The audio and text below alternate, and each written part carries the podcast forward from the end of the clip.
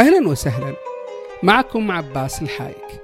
أقدم لكم بودكاست تشاكيل البودكاست المختص بالمسرح حيث نحاور فيه المسرحيين ونسائل تجاربهم ونفتح معهم ملفات المسرح.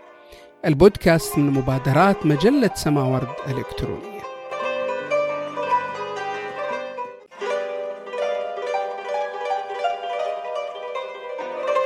أهلا وسهلا متابعي بودكاست تشاكيل مسرحية. ضيفنا اليوم هو ممثل ومخرج ومؤلف فلسطيني أستاذ كامل الباشا. ولد في عام 1962 بالقدس وعرف أنه من الفاعلين في المسرح الفلسطيني. فقد شارك كممثل في 32 مسرحية مثل موتى بلا قبور القميص المسروق الملك رحنام البحث عن حنظلة ابتسم أنت فلسطيني وغيرها. وأخرج ما يقارب الثلاثة وثلاثين منها. شمال وسط جنوب قهوة زعترة الملح الأخضر هادية لا غبار عليه وغيرها.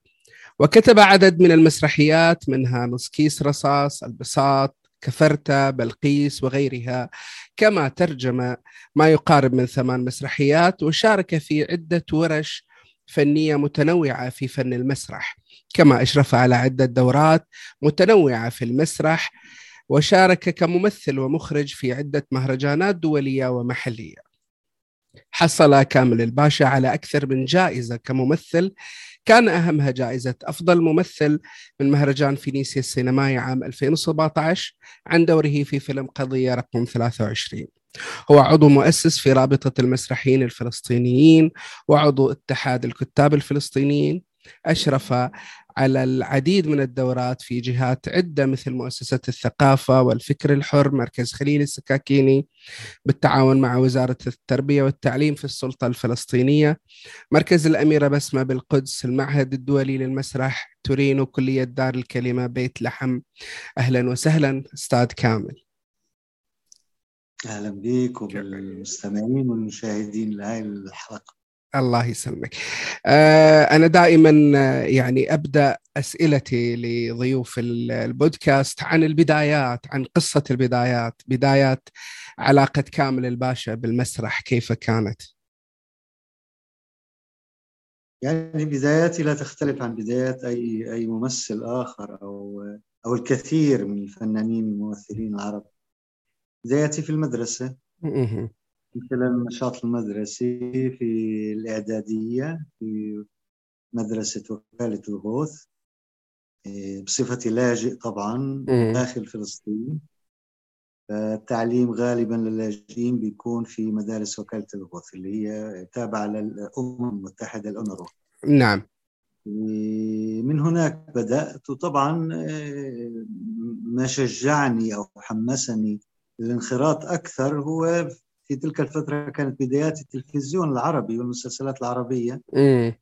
وإذا ما بعرف يمكن أنا أكبر منك شوي بالجيل آه، ولكن كانت كانت تلك الفترة هي فترة آه، عروض مسلسل غوار الطوشي. إيه نعم معروف.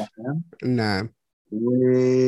وتلتها في فترة الثانوية. إحنا كنا كانت مدرسة المشاغبين نعم. واللي أثرت فينا كثير. فمن هناك أنا قررت طبعا آه، أن أدرس المسرح وعملت طبعا قبل الدراسة في في كان عندنا آه، جمعيات آه، جمعية عمال الفنادق جمعية السباكين مجموعة من الجمعيات في داخل القدس. من خلالها عملت في بعض السكتشات قبل أن أنهي دراستي الثانوية وأذهب إلى بغداد لدراسة المسرح.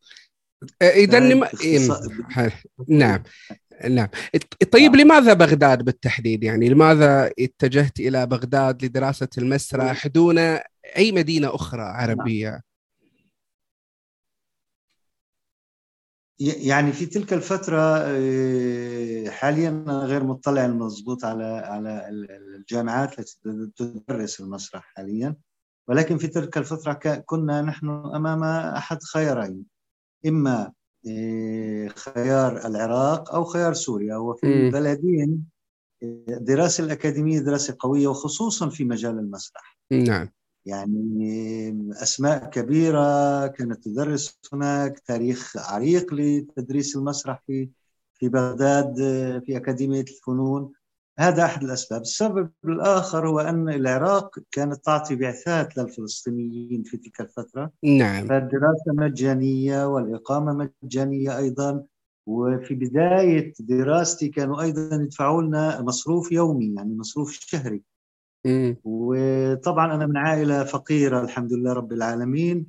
إيه، والدي محدود الدخل وعنده تسع أطفال أنا أكبرهم. نعم. كل هاي العناصر مع بعض شجعتني أو دفعتني بهذا الاتجاه والحمد آه. لله رب العالمين. أو هل كانت لك علاقة مع المسرح العراقي في ذيك الفترة؟ أو كانت فقط في في المجال الأكاديمي أو الدراسي؟ أبدا. نعم. فترة الدراسة طبعا فترة الدراسة ولكن قبل الدراسة قبل أن أذهب إلى بغداد لم أكن على معرفة بأي من الأسماء المسرحيين العراقيين أو حتى المسرح العراقي أو يعني نحن كنا في تلك الفترة في عزلة عن ما يحدث في نعم. الوطن العربي كان الذهاب إلى أي دولة عربية ليس بالسهولة التي يحدث بها هذه الأيام كان صعب نعم. جدا والحدود كانت العبور عن الحدود معقد وكنا نحن مطلوبين للتجنيد الإجباري في الأردن لأننا في القدس نحمل جواز السفر الأردني فكان لازم إعفاء من التجنيد أيضا. كل هاي الإجراءات كان فعمليا نحن كنا معزولين عن العالم العربي. أنا أتحدث عن آه، نهاية السبعينات بداية الثمانينات. نعم. فلم يكن لدي اطلاع إلا لم عندما بدأت الدراسة في بغداد بدأت أتعرف من خلال أساتذتي على مجموعة من المسارح والفرق المسرحية في بغداد وكنا نذهب أيضا لمشاهدة عروض مسرحية في تلك الفترة مع أنها كانت قليلة بسبب الحرب العراقية الإيرانية. إيه أتصور جاوبت على سؤالك لا؟ بالضبط. أنت أيضا بعد انتهاء الدراسة عدت إلى فلسطين واعتقلت. يعني هو للتصحيح للتصحيح وللدقة أنا لم أنهي دراستي في بغداد. آه لم تنهي دراستي أنا, أنا عدت في زيارة لفلسطين بعد سنتين من الدراسة وتم آه. منعي من السفر فما أك... ما أكملت دراسة في جامعة بغداد. آه, آه.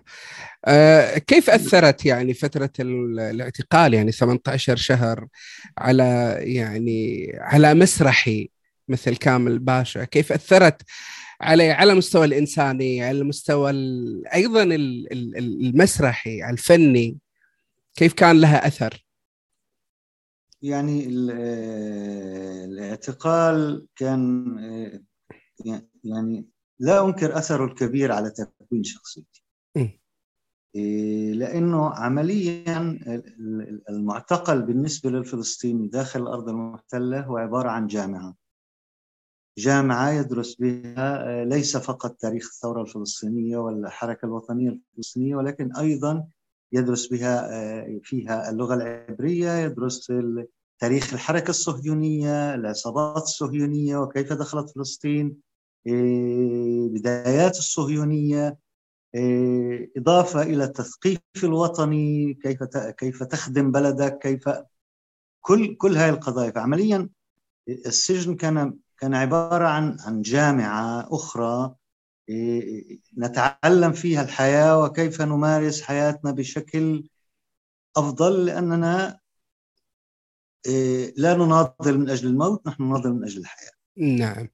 فداخل السجن تكونت الجوانب الأخرى الناقصة في شخصيتي والحمد لله رب العالمين. آه، أتصور أني آه، تعلمت كثيرا.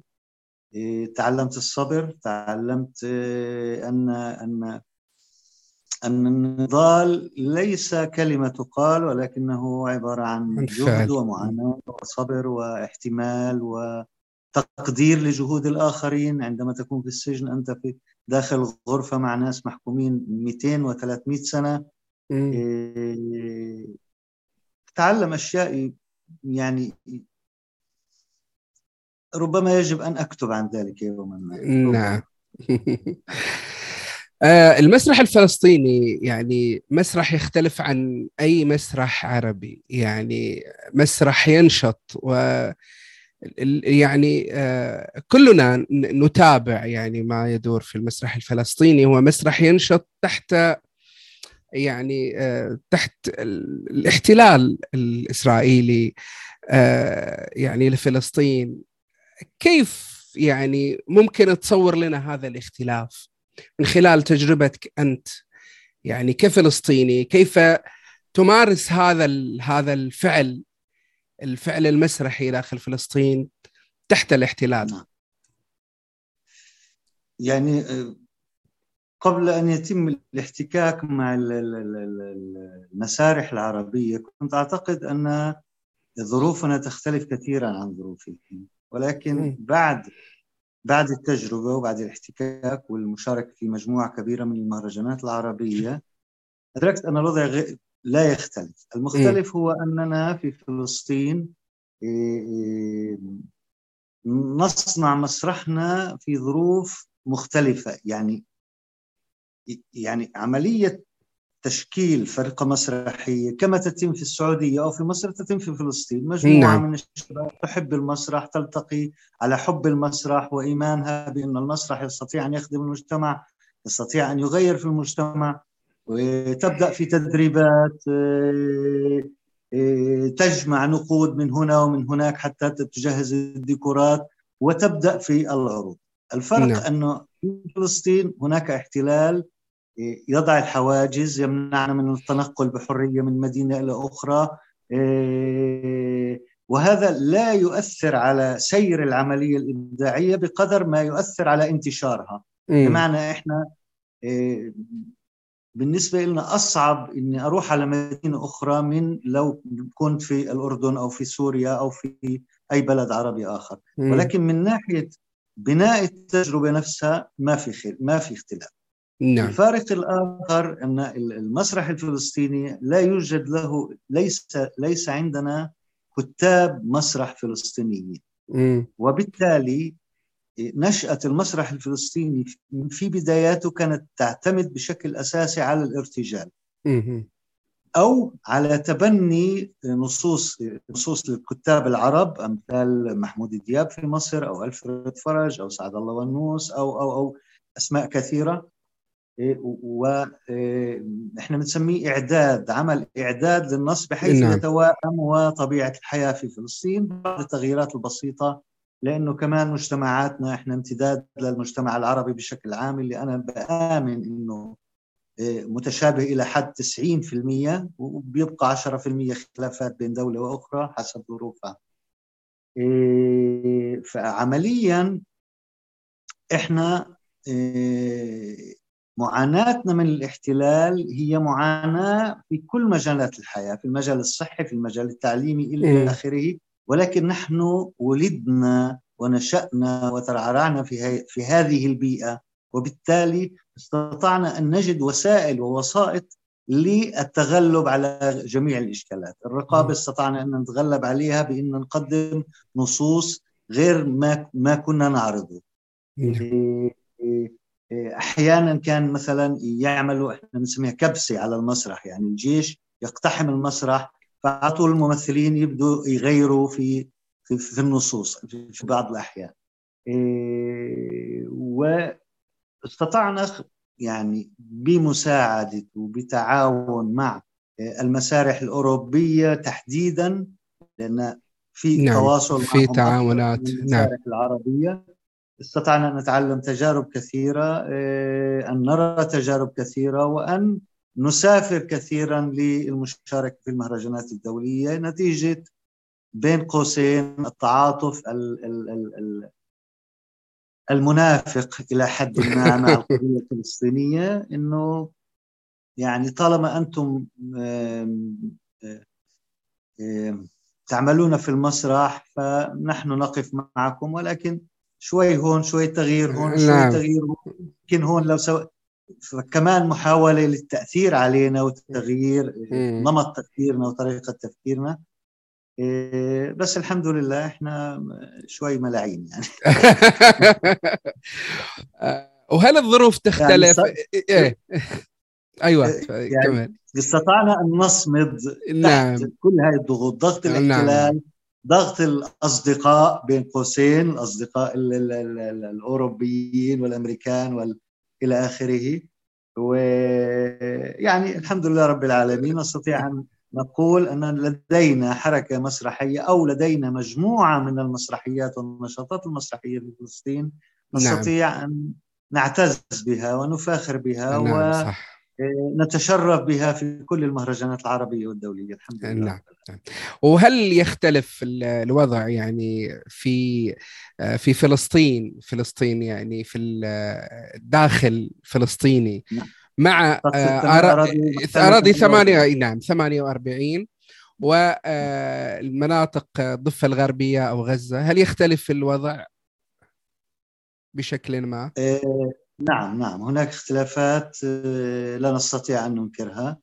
ليس من ناحية التكوين الفكري للعروض المسرحية ولكن من ناحية وجود تمويل نعم. للعروض المسرحية. في أراضي 48 هناك تمويل طبعا إسرائيلي يعني هم آه، إخواننا في 48 هم مواطنين في الدولة يحملون الجوازات الإسرائيلية ويدفعون الضرائب وإلى آخره فبالتالي من حقهم أنا حسب رأيي إنهم ياخذوا الميزانيات فهذا آه، فارق آه، يعني نستطيع أن نقول هناك بين قوسين دعم مادي طبعا في حدود آه، ما لا يتعارض مع سياسة الاحتلال. بمعنى لما بيكون في عمل وطني فلسطيني مسرحيه وطنية واضحة بكل الوضوح لا تعالج قضية اجتماعية بيتم منعها أو بيتم إغلاق المسرح أو بيتم منع الميزانيات عن المسرح كما حدث مع مسرح الميدان في حيفا قبل أربع سنوات تم إغلاقه بسبب مسرحية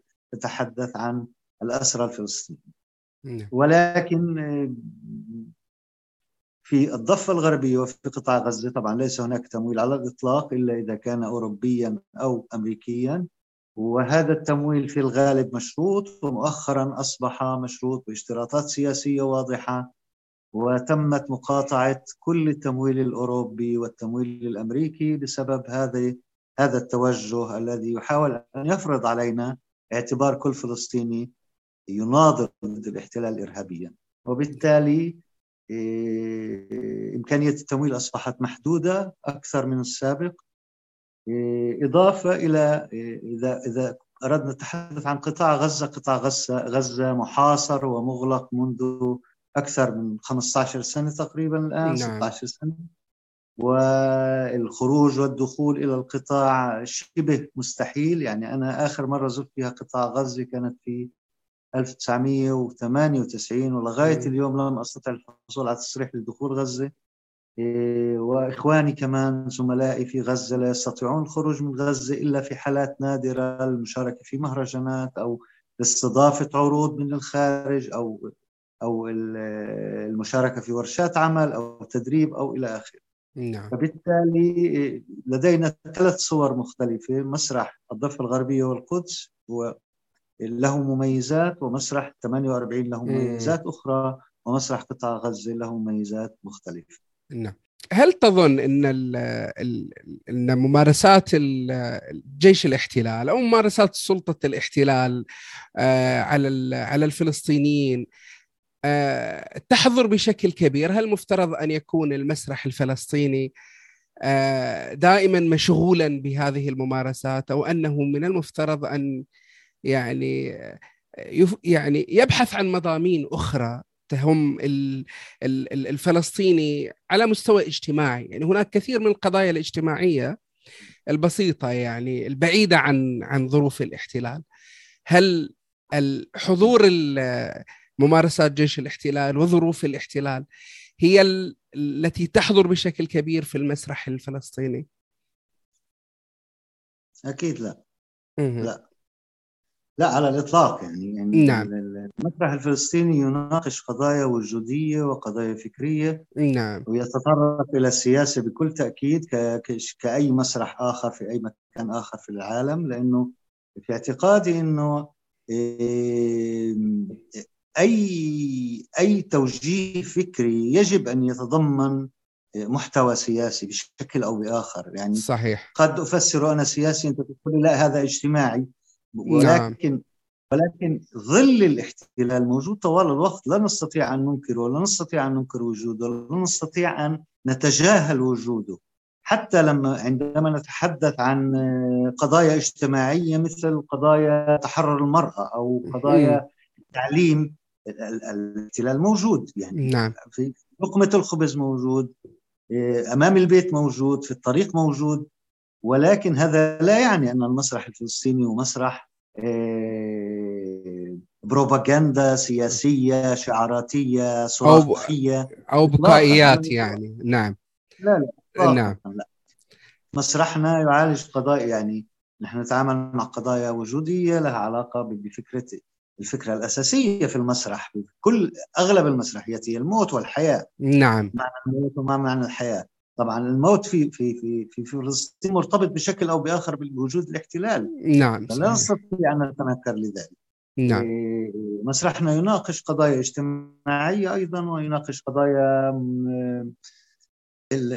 القضايا المطروحة على مستوى العالم اليوم إيش بسموها العالمية هاي القضايا الإنسانية الشاملة يعني. القضايا الإنسانية الشمولية نعم. أيضا. ونحن نتناول أيضا النصوص العالمية نصوص شكسبير نصوص نعم. آه، راحوا الأسماء. الأسماء العالمية إن كان بيكت أو النصوص المعروفه عالميا يعني. إبسن أو غيرها نعم.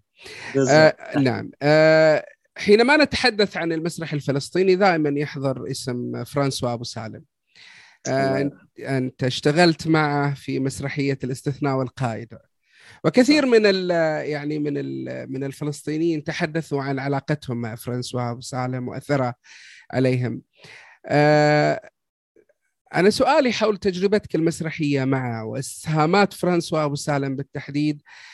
على تجربة كامل الباشا وعلى تجربته أيضا على مستوى المسرح الفلسطيني بعمومه.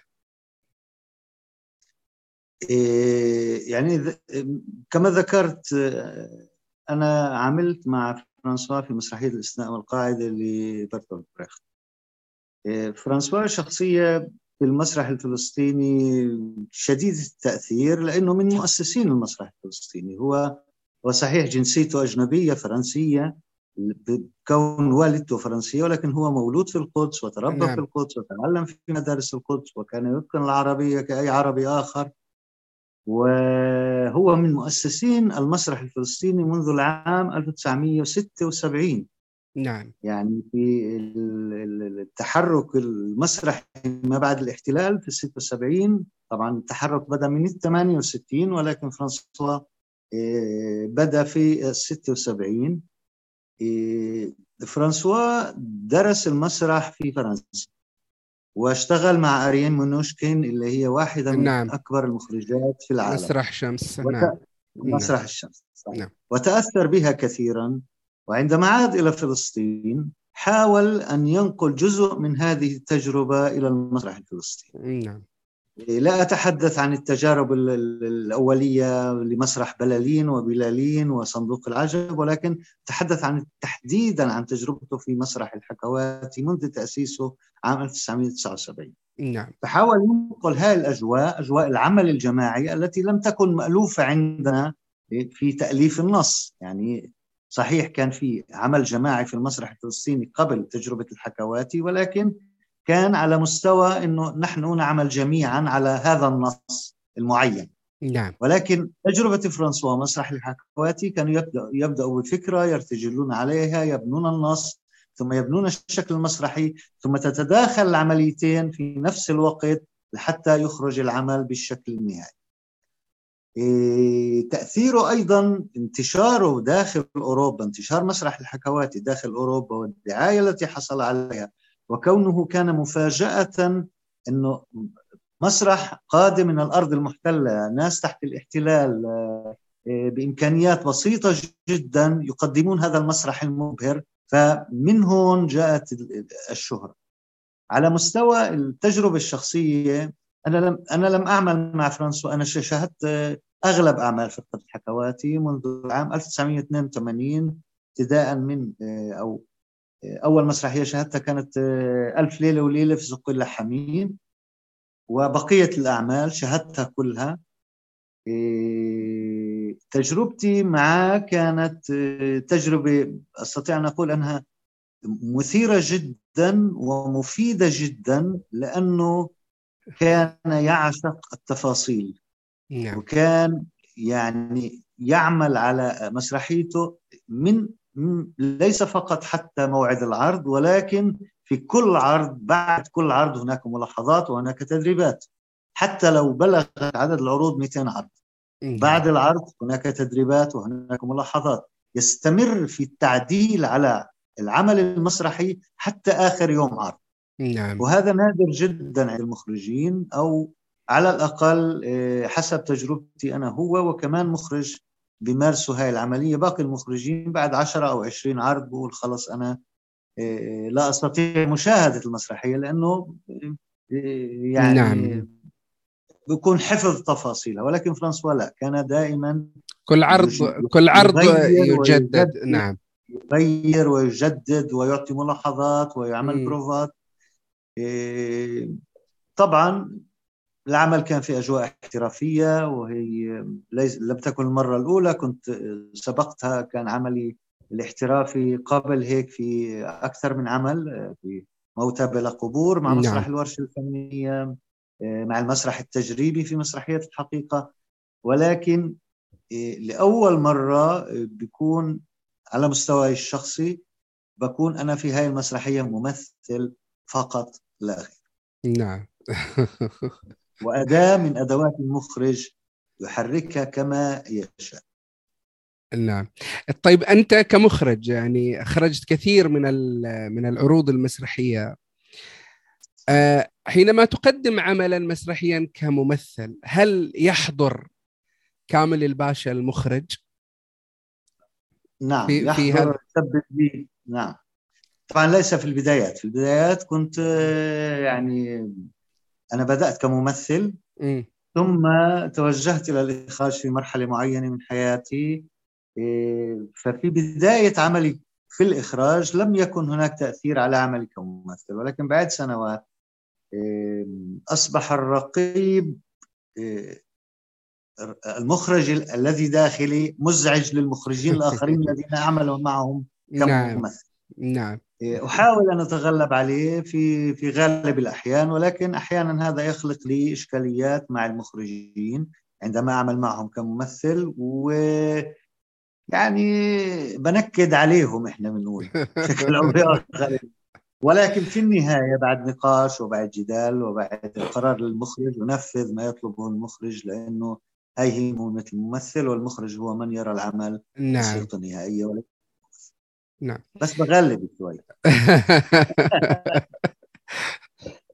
يعني الممثل المتمكن دائما ما بيغلب يعني. هو ليس مجرد أداة طيعة ولكن يعني دائما يعني يحضر هلا دخل دخل المخرج يجاوب عليك إنه لا. ما فيش ممثل فيش ممثل متمكن. أنت لما بتكون ممثل أنت ممثل. نعم. يجب أن تنفذ طلبات المخرج. تناقشه آه. أوكي ما عنديش نعم. مشكلة. ولكن في النهاية صحيح. الكلمة الأخيرة للمخرج.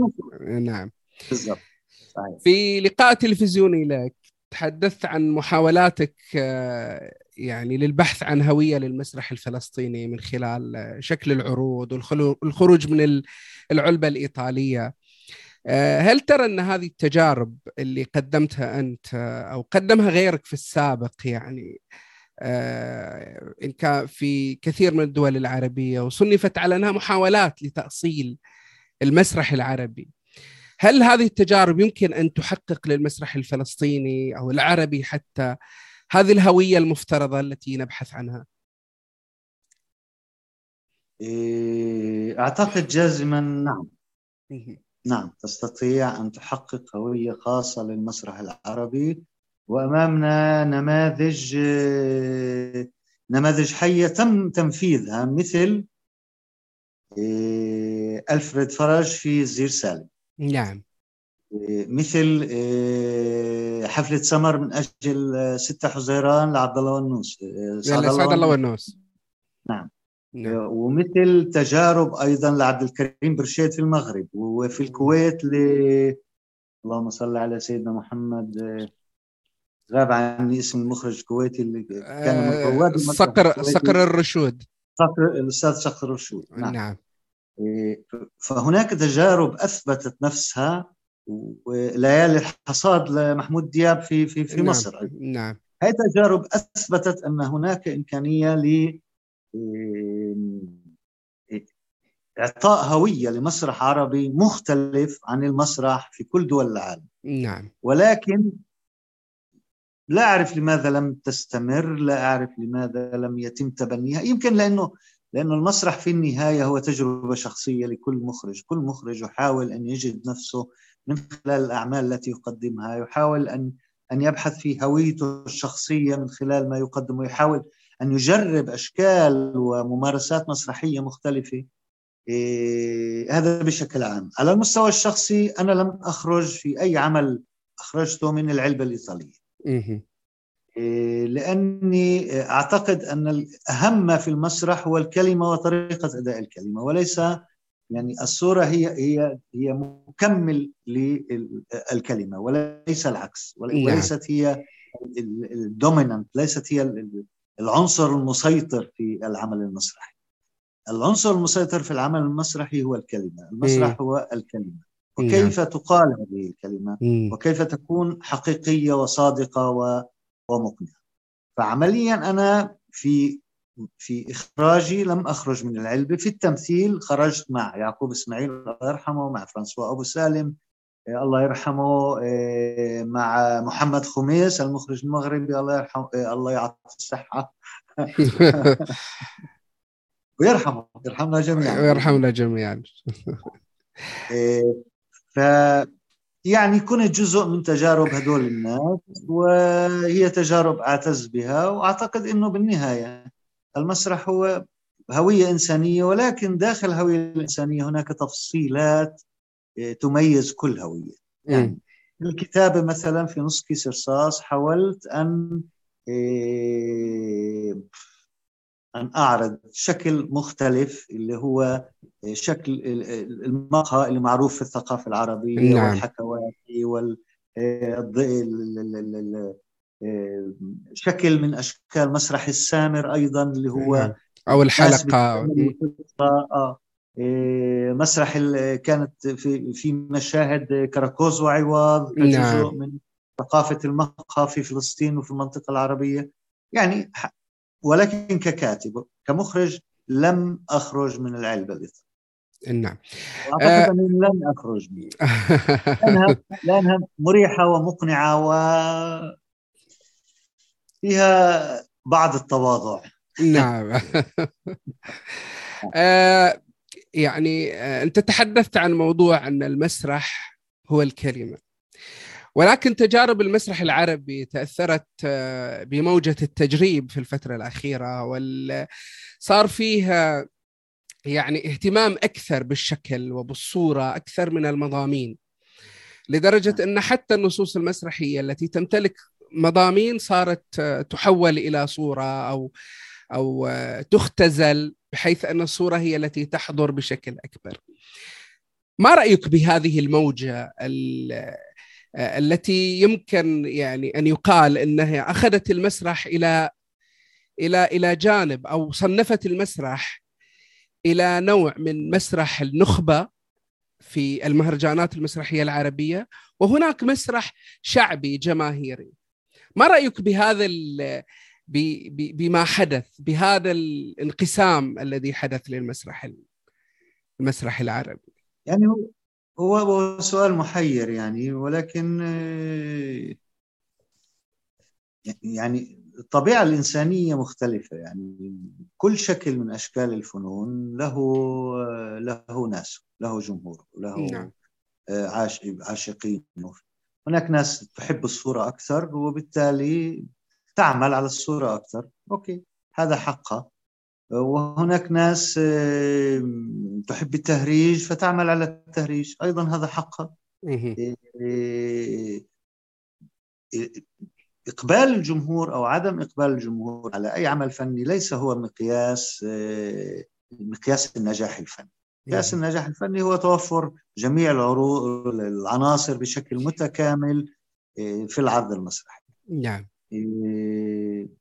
رأيي أنه هذا شيء طبيعي أنه الناس مختلفين يختلفون بأمزجتهم وآرائهم وتوجهاتهم وثقافاتهم حتى في داخل المجتمع الواحد وبالتالي وجود هذه هذا التنويع حتى لو طغى شكل على شكل من الأشكال على بقية الأشكال الأخرى هذا بيعكس طبيعة المجتمع وهو هو شيء شيء يعني حسب رأيي إيجابي عموما ما لم يتم تسفيه الفكر وال وال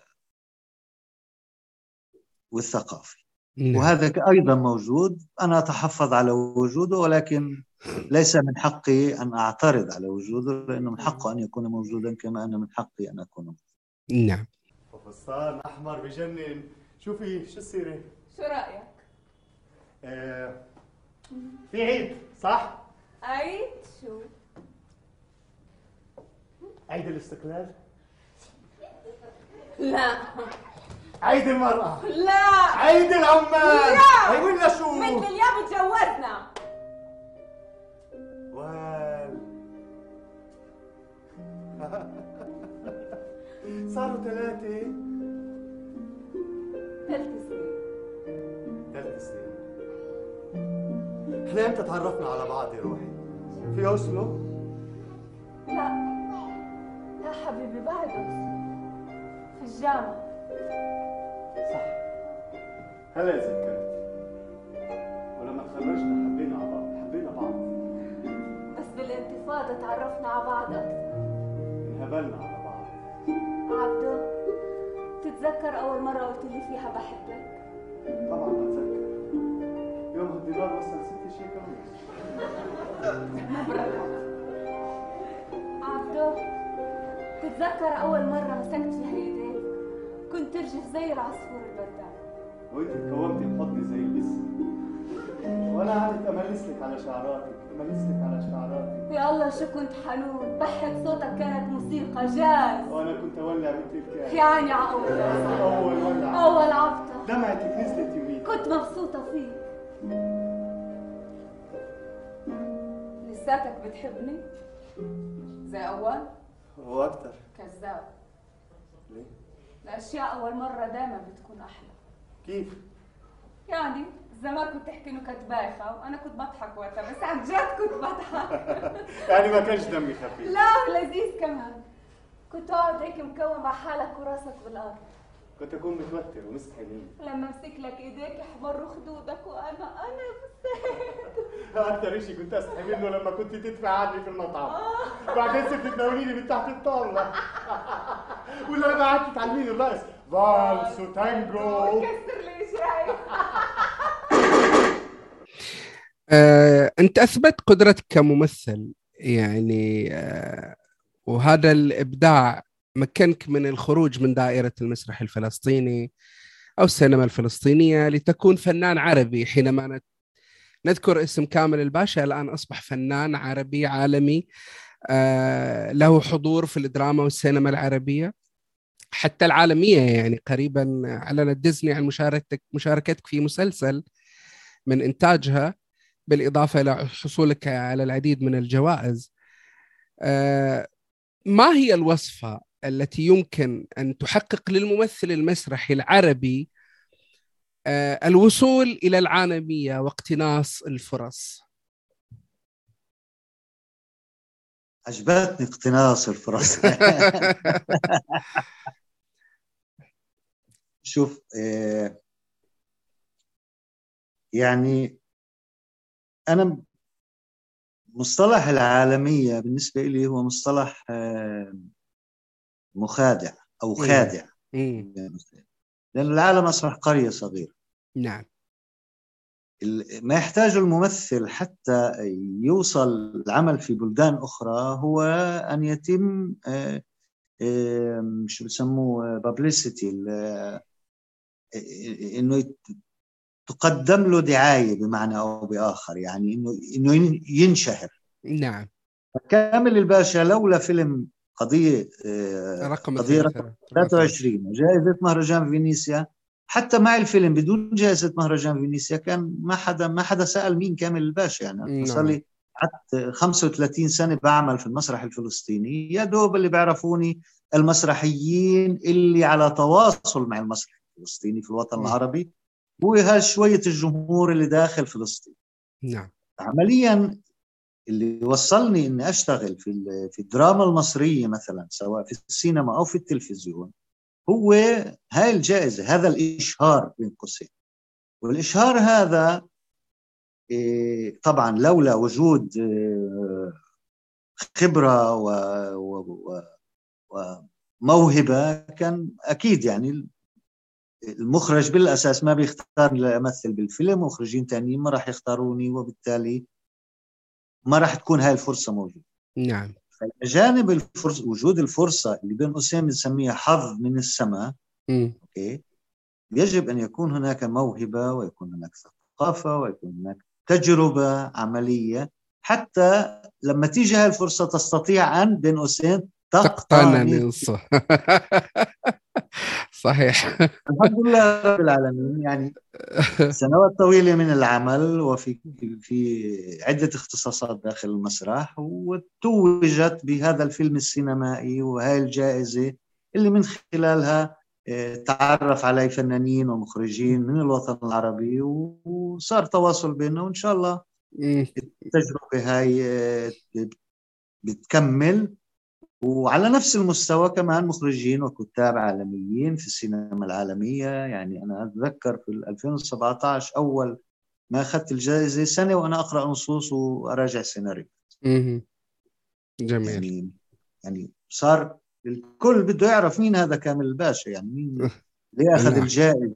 شو شو المميز فيه؟ نعم. شافوا الفيلم واو فيلم حلو وعم بيلعب شخصية حلوة. طب بيقدر يلعب شخصيات ثانية بيقدر يعمل شغلات ثانية نعم, نعم. فبالتالي هي زي ما حكينا الخبرة وحدها والكفاءة وحدها لا تكفي يجب أن يتوفر قليل من الحظ نعم يقال أن الممثل إذا أراد أن يبدع في الدراما التلفزيونية أو السينمائية لابد أن يمر على المسرح فهو مدرسة الأداء الأفضل هل تتفق مع هذه المقولة؟ ليس بشكل مطلق لأن هناك ممثلين لم يبدأوا في المسرح وأثبتوا أنهم ممثلين كبار يعني تاريخ بتذكر أسماء كبيرة كثيرة في السينما وفي التلفزيون. إيه، يعني دريد لحام بعد ما اشتغل في التلفزيون راح للمسرح. نعم.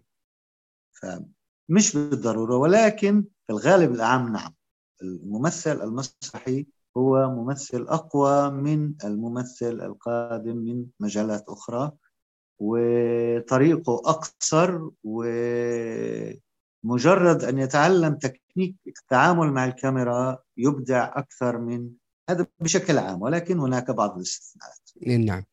آه، طيب كيف أثر المسرح على أداء كامل الباشا يعني أمام الكاميرا يعني آه، لتصل إلى هذا المستوى من الأداء؟ يعني هو بشكل أساسي في في في قضية موضوعة إحنا بنسميها الذاكرة الانفعالية في م. مدرسة آه، كونستانتين ستانسلافسكي نعم. في إعداد الممثل الذاكرة الانفعالية وقدرتك على السيطرة على هذه الذاكرة والتحكم فيها.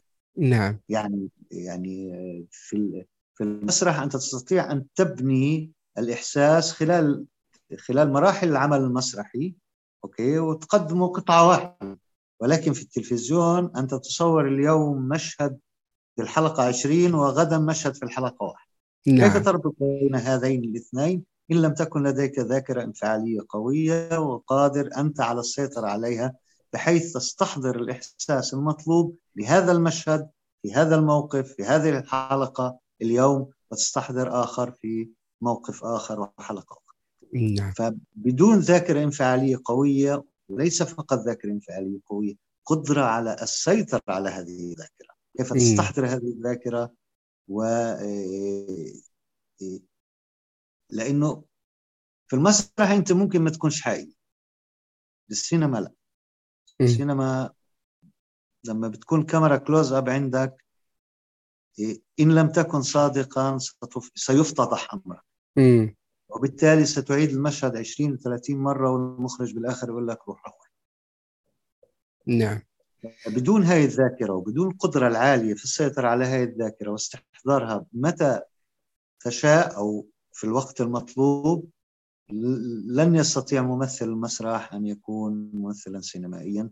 إضافة إلى فهم الكاميرا. مم. لأي كاميرا أنا عم بمثل الكاميرا اللي هون اللي على شمالي ولا اللي على يميني ولا اللي. ماخذني close up ولا medium ولا ولا long shot ولا أني كاميرا. نعم. هذا كمان. مهم وهذا يمكن تعلمه لأنه تقنيات ولكن الصدق الفني والسيطرة على على الذاكرة الانفعالية هي التقنيات ولكن بحاجة إلى موهبة هاي الله سبحانه وتعالى بيوهبها مم. لمن يشاء والحمد لله رب العالمين. أظن أن هذه الموهبة موجودة. نعم. آه، أنت ترجمت آه، عدد من النصوص المسرحية قدمت آه، يعني بعضها للمسرح بعدها وكثير وكلها ما زالت مخطوطات يعني. يعني ال... لماذا يعني ما الدافع لترجمة هذه النصوص؟ يعني لماذا اخترت أو معيار اختيارك لهذه النصوص؟ يعني هو بالدرجة الأولى إعجابي بهذه النصوص. يعني لما مم. ترجمت مثلا آه، محطات في حياة مارتن لوثر نعم. مارتن لوثر كينج داعية حقوق حقوق الإنسان نعم. المعروف اللي تم اغتياله آه، في الستينات. آه، سجل الحياة جميل وحافل بالنضال والكفاح السلمي من أجل تحرير العبيد في أمريكا. قصة يعني تستدعي إنه إحنا كفلسطينيين نجرب هذا التوجه. أوكي؟ فبالتالي ترجمتها وتم انتاجها انتاجها المسرح الوطني الفلسطيني. نعم صحيح. ما هذا مثلا. مسرحية أخرى تتحدث عن استشهاد آه، آه، أحد الشباب في شمال فلسطين اللي هي مسرحية أمريكية. ل...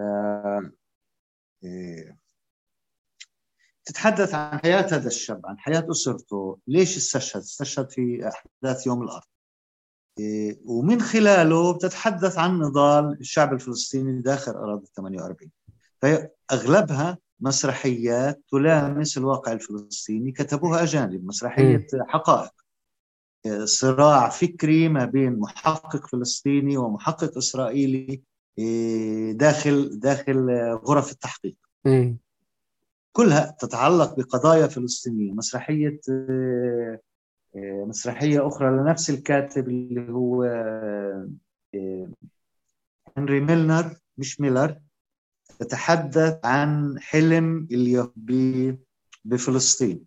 يلامس واقعنا يلامس حقيقتنا يلامس فإعجابي بهاي النصوص هو اللي خلاني أترجمها وبالتالي أنتج بعض بعض منها من خلال مؤسسات مسرحية أو بعضها يبقى مخطوطات بانتظار إنه يتم إنتاجه يعني كمان الإنتاج شيء مش سهل مكلف و... و... الله يسهل. يعني ال- متى راح مثلا هذه النصوص غير إنتاجها؟ آه، ما ممكن تتحول إلى كتب آه، تثري ال- المكتبة العربية المسرحية؟ ممكن ولكن المشكلة هون إنها بحاجة إلى تحويل إلى العربية الفصحى. أنا آه. عندما أترجم أترجم للعامية الفلسطينية. نعم. لأنه أترجم لكي أنتج. إيه، مش بس هي حتى المخطوطات ال- المسرحيات المؤلفة أنا المطبوع منها بس فقط مسرحيتين والباقي. كله مخطوطات. لأنها نعم كتبت لتركت وتم إنتاجها. نعم. فهذا مشروع مؤجل. إن شاء الله الله بيعطيني الصحة. والعمر والوقت إنه أقدر أنفذه لأنه فعلا يعني الكتابه المسرحية بغض النظر عن رأيي وتقييمي إلها أنا شخصيا.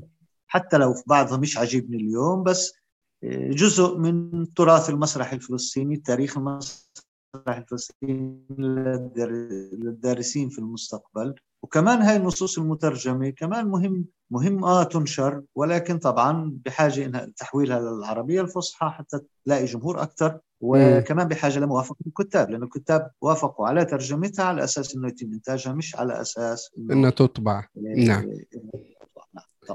طبعا. هاي حقوق للناس طبعا. صحيح. إن شاء الله إن شاء الله الله يحيينا ويقدرنا يا رب. كيف تصف علاقتك بالقدس؟ كإنسان وفنان. يعني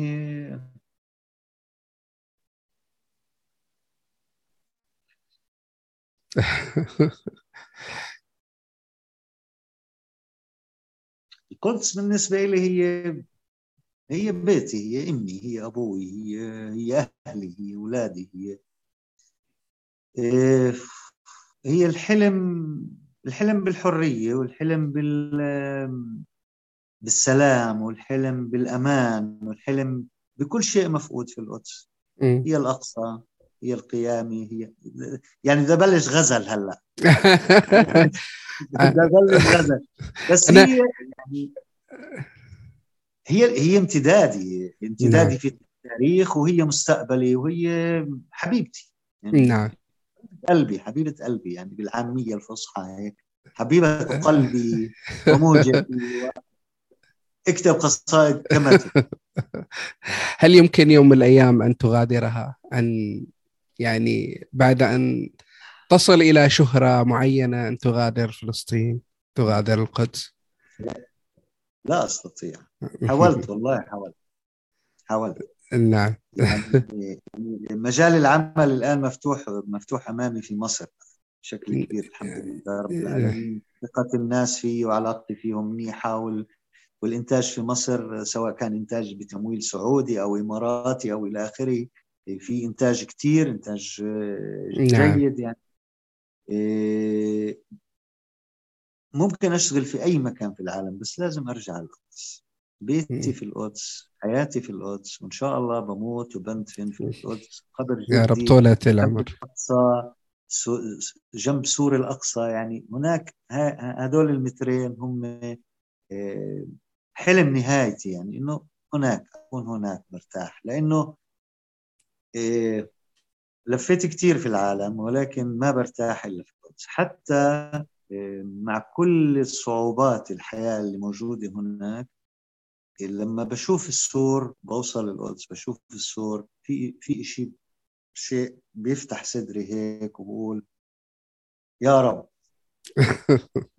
جميل. يا رب.